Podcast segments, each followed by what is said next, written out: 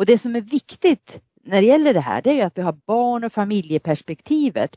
Att vi inte organiserar oss för verksamhetens skull eller för professionernas skull, utan att allt vi gör, att vi organiserar det utifrån barn och familjeperspektiv. Det tycker vi är grundläggande.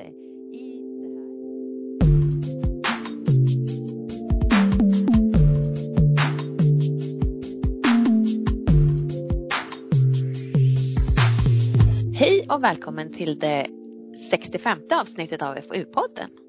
I det här avsnittet kommer vi att prata om betydelsen av samverkan i barnhälsovården, både när det gäller vårdkvalitet och arbetsrelaterat välbefinnande.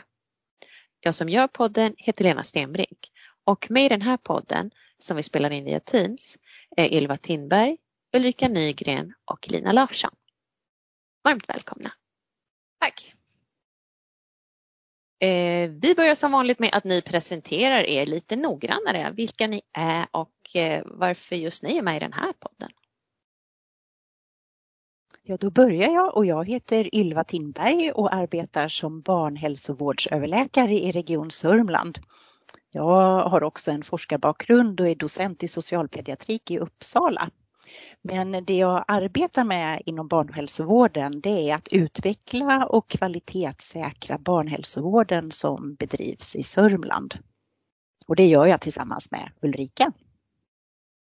Och jag är vårdutvecklare i barnhälsovården Sörmland och jag är distriktssköterska. Och sen så är jag doktorand vid Uppsala universitet så halva min tid forskar jag på Uppsala universitet om team och teamarbete inom barnhälsovården. Och övrig tid är jag som sagt i barnhälsovården. Och jag heter Lina Larsson och jag jobbar på FoU och jag är här idag därför att jag tillsammans med min kollega Martin Geisler har eh, skrivit på en rapport om samverkan i barnhälsovården.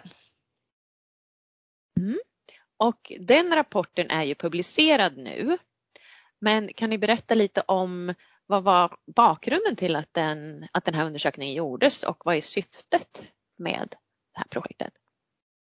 Jo, inom barnhälsovården då har ju vi som mål att främja barns hälsa och utveckling och bidra till att de får förutsättningar för att utvecklas på ett optimalt sätt. Och vi har sett och vi vet att det finns väldiga skillnader mellan barn och deras hälsa. Och det beror på många gånger i vilket sammanhang de växer upp och vilket stöd de får i den närmaste familjen och samhället i stort. Och då har barnhälsovården en viktig funktion att främja och bidra till att barn ska få bästa möjliga hälsa. Och vi har sett att de här socioekonomiska skillnaderna och sammanhanget runt omkring, där kan vi genom samverkan med olika aktörer som jobbar kring barnen, förskolan, öppen förskola, socialtjänstens förebyggande insatser och barnhälsovården, att vi kan tillsammans göra ett mycket bättre jobb eftersom det är så komplext hela det här sammanhanget. Och tidigare studier har visat att samverkan är en förutsättning för det här.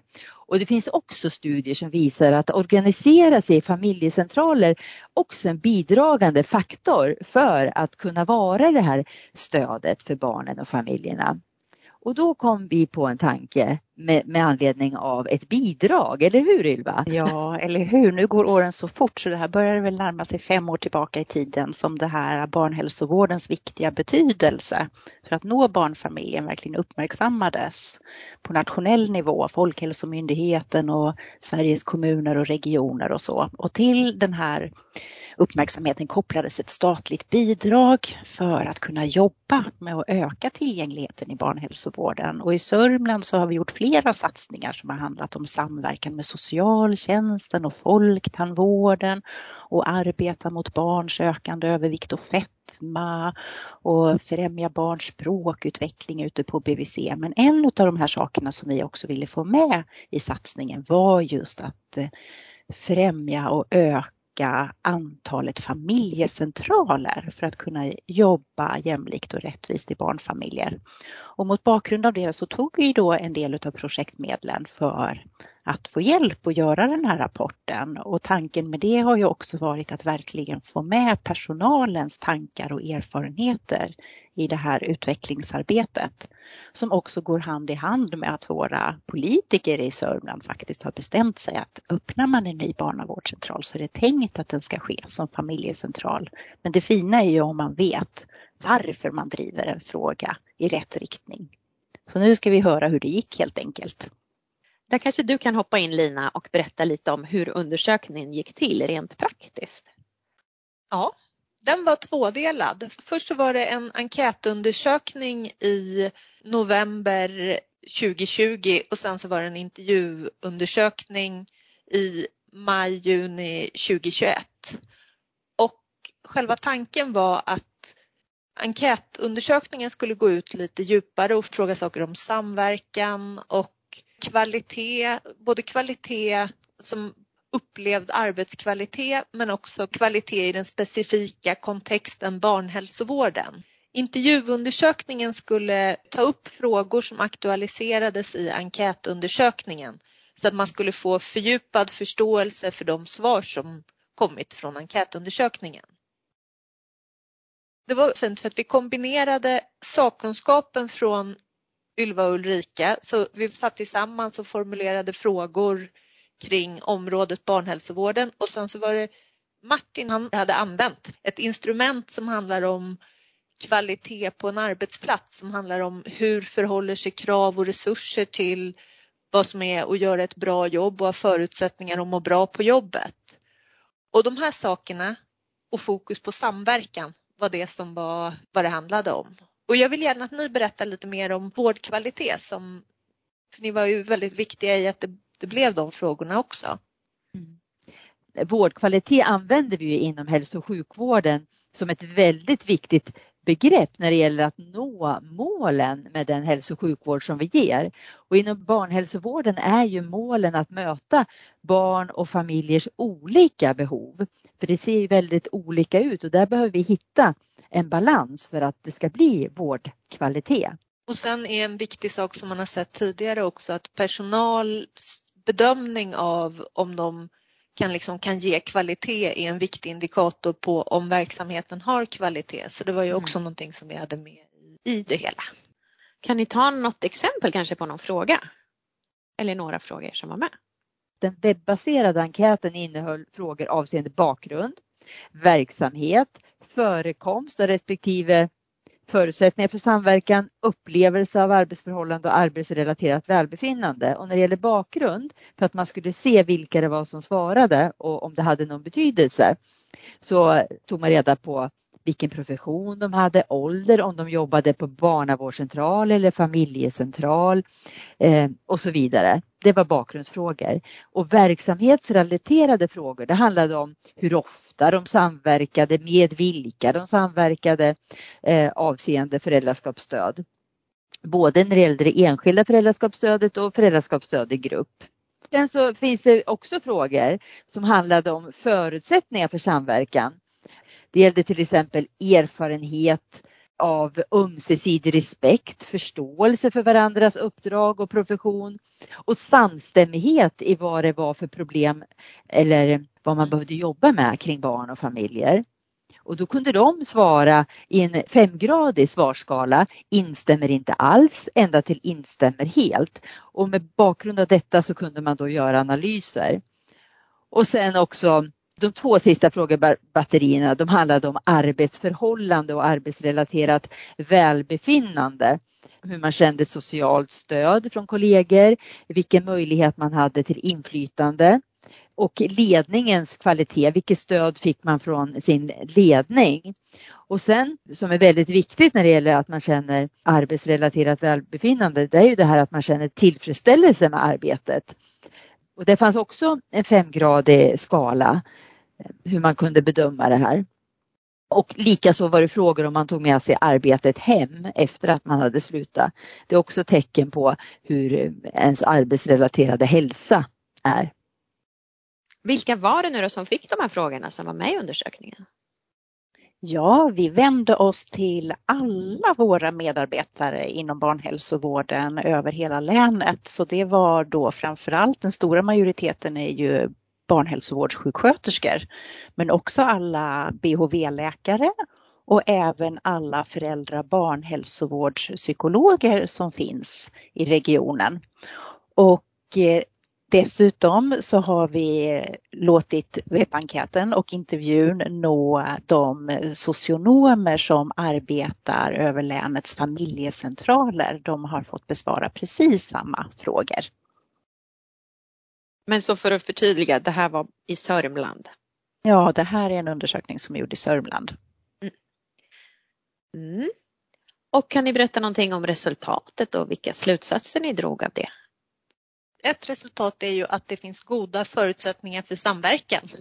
Och där skulle jag vilja komplettera med det för då tänker man jaha, vi har ju försökt titta jämförande eller ni har gjort det i era analyser och det, det du säger betyder ju att oavsett om man har varit anställd på familjecentral eller på en vanlig BVC mm. så har personalen angivit goda, goda siffror eller skattningar för att kunna samverka, vilket är jätteglädjande. Ja. Och det här är någonting som också har synts i intervjuundersökningen, men det kan vi prata om sen. Och sen så goda arbetsförhållanden även vad gäller relationen, krav man har i arbetet och resurser man har för att tillmötesgå kraven som finns från arbetet. Och god vårdkvalitet och hög kvalitet i arbetet. Så två olika kvalitetsmått som hade fina utfall båda två. Kvalitet i arbetet är mer arbetsprocessen och vårdkvalitet är mer eh, måluppfyllelse och den delen. Båda har rapporterat att det finns bra förutsättningar för samverkan men särskilt bra vid familjecentraler. Och det kan man ju förstå utifrån att de är organiserade just för att förenkla samverkan. Så det är ju bra att, bra att det funkar som det är tänkt att det ska funka, att det förenklar samverkan. Och där när vi har pratat om det så pratar vi ju jättemycket om att det är ju den här samlokaliseringen som verkar göra något magiskt. Vilken betydelse det verkar ha när man har ja. Angränsande professioner men också angränsande verksamheter vägg i vägg och med bara en dörr att knacka på emellan. Att det verkligen Ja. Att det gynnar samverkan. Och det där med samlokaliseringen har varit väldigt synligt i intervjustudien också. Inte bara hos familjecentraler utan också till exempel när barnhälsovården, om de sitter vägg i vägg med folktandvården så kan de gå och knacka på och säga vi har det här barnet kan de få komma till er så att det blir en direkt eller, eller om de sitter på en vårdcentral och kan gå och prata med samtalsmottagningen. Kan ni fixa en tid till den här föräldern som jag har här?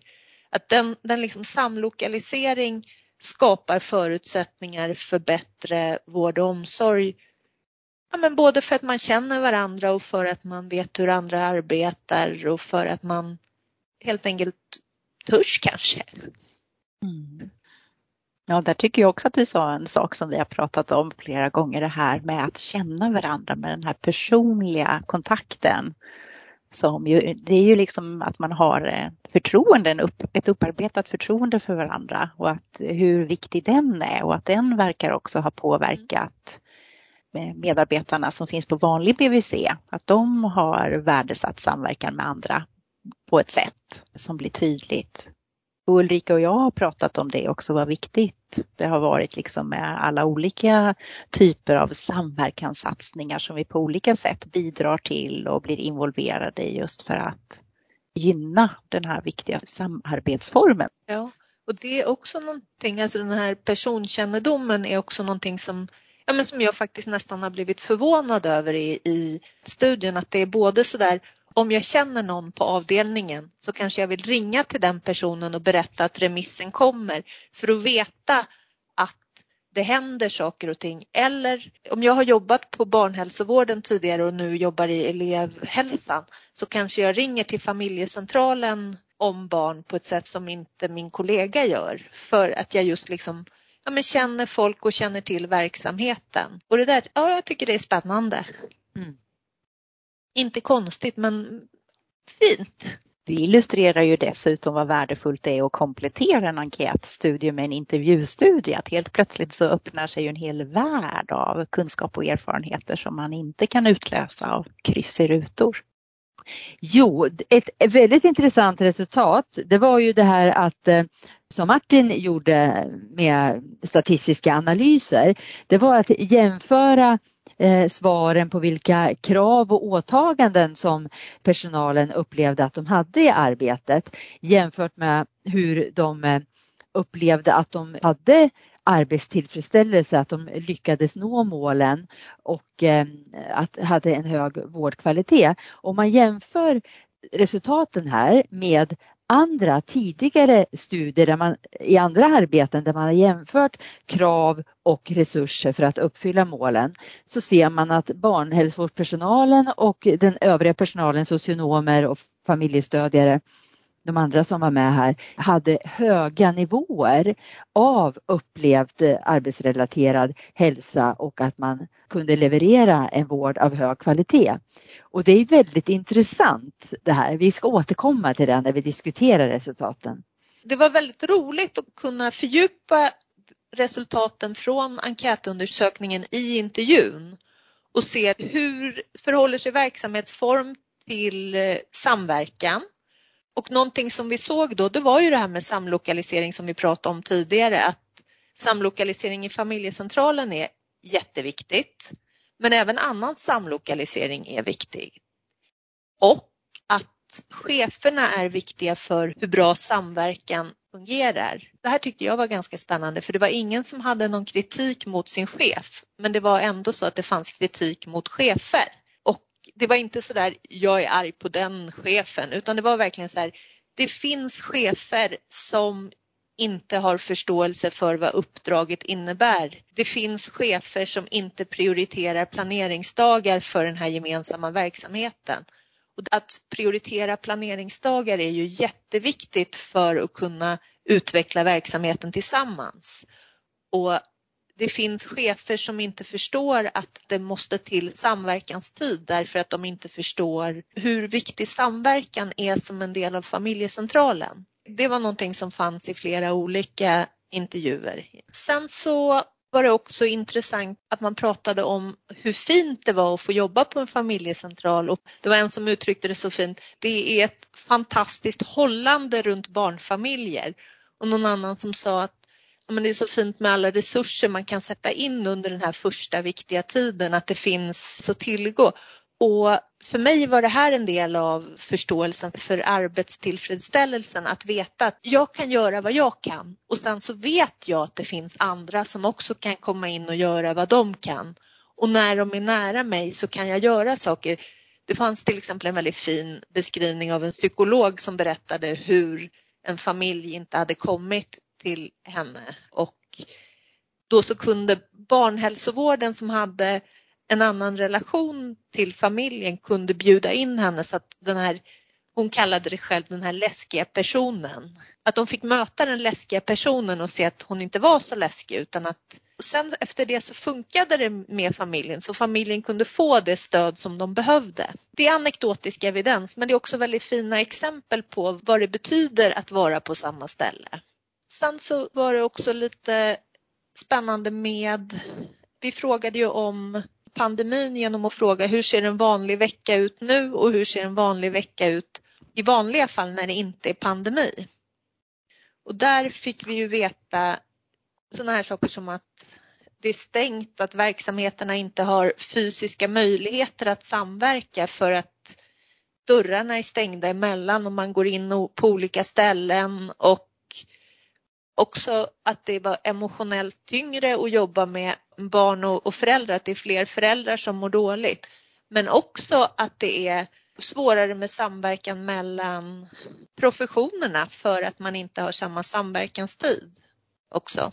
Och det som också har varit någonting som pratas om i intervjuerna är det här att den öppna förskolan är stängd så att socionomerna har inte haft samma möjlighet att vara tillgängliga för föräldrar. Och det är en av de viktigaste sakerna i deras uppdrag, att göra sig tillgänglig, att underlätta för folk att ta kontakt med dem. Eh, under det här arbetet nu med respondenternas svar, har ni fått några aha-upplevelser? Ja, det är ju att det blev så tydligt med pandemins effekt. Det kanske inte var helt oväntat men det verkligen illustrerar det som Ulrika och jag har sett i vårt praktiska arbete. Att pandemin slog ju verkligen undan fötterna för att kunna samverka på det sättet som vi har byggt upp tidigare med stängda dörrar och olika rutiner. Och det här med olika rutiner är ju också någonting som har illustrerat och hur viktigt det är när man har en ledningsgrupp för en verksamhet. Att man i ledningsgruppen har en samsyn och i det här fallet har det då handlat om samsyn kring samverkan som jag tror är det som har illustrerats då genom vissa medarbetares frustration när man känner varför får vi så otydliga eller direkt motsägelsefulla direktiv som inte alls gagnar den verksamhet som vi ska bedriva? Och som ju då i förlängningen faktiskt har drabbat barnen och familjerna. Och som Lina också beskrev här hur det har bidragit till en tyngre arbetsbörda verkligen under pandemin med isolering och väldigt oroliga föräldrar och mycket ombokningar och besök på specialrum och mycket fler telefonsamtal än vad man har haft innan. Så att det framkom ju väldigt tydligt i intervjunstudien. Och så det var det ena men sen så hade vi ju positiva aha-upplevelser också, eller hur Ulrika? Mm.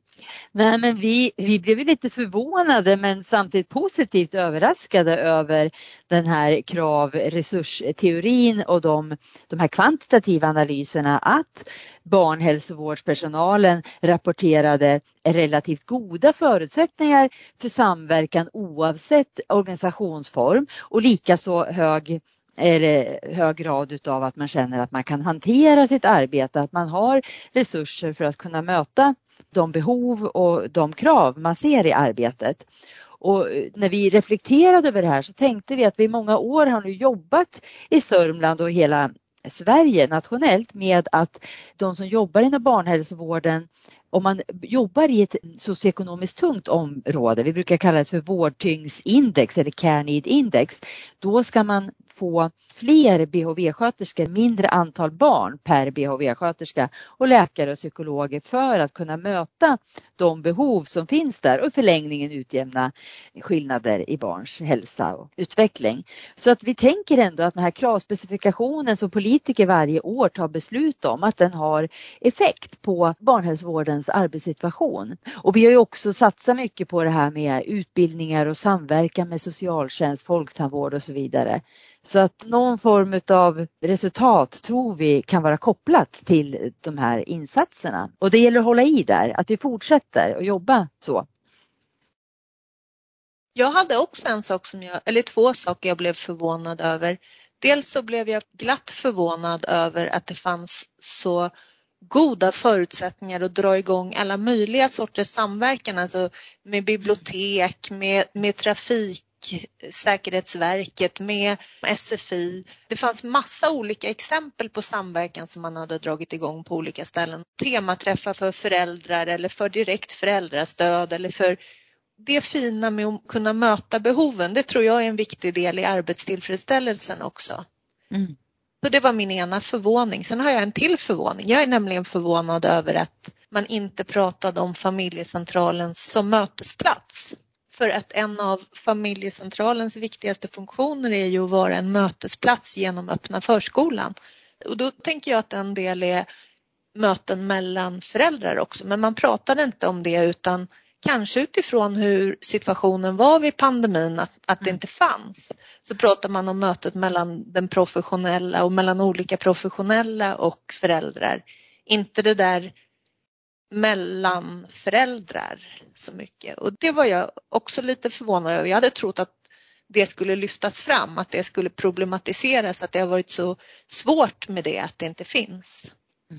Jag tror att du har alldeles rätt Lina. Man får man tänka att när du eh, var med och intervjuade då hade pandemin pågått i 15 månader. Mm. Så kanske kändes det som en smärtsam icke-fråga då. För, men det är ju just öppna förskolan som är den här öppna mötesplatsen där både BHV-sjuksköterskan och familjevägledaren kan kliva in och vara en del i verksamheten och det var ju tyvärr helt stängt.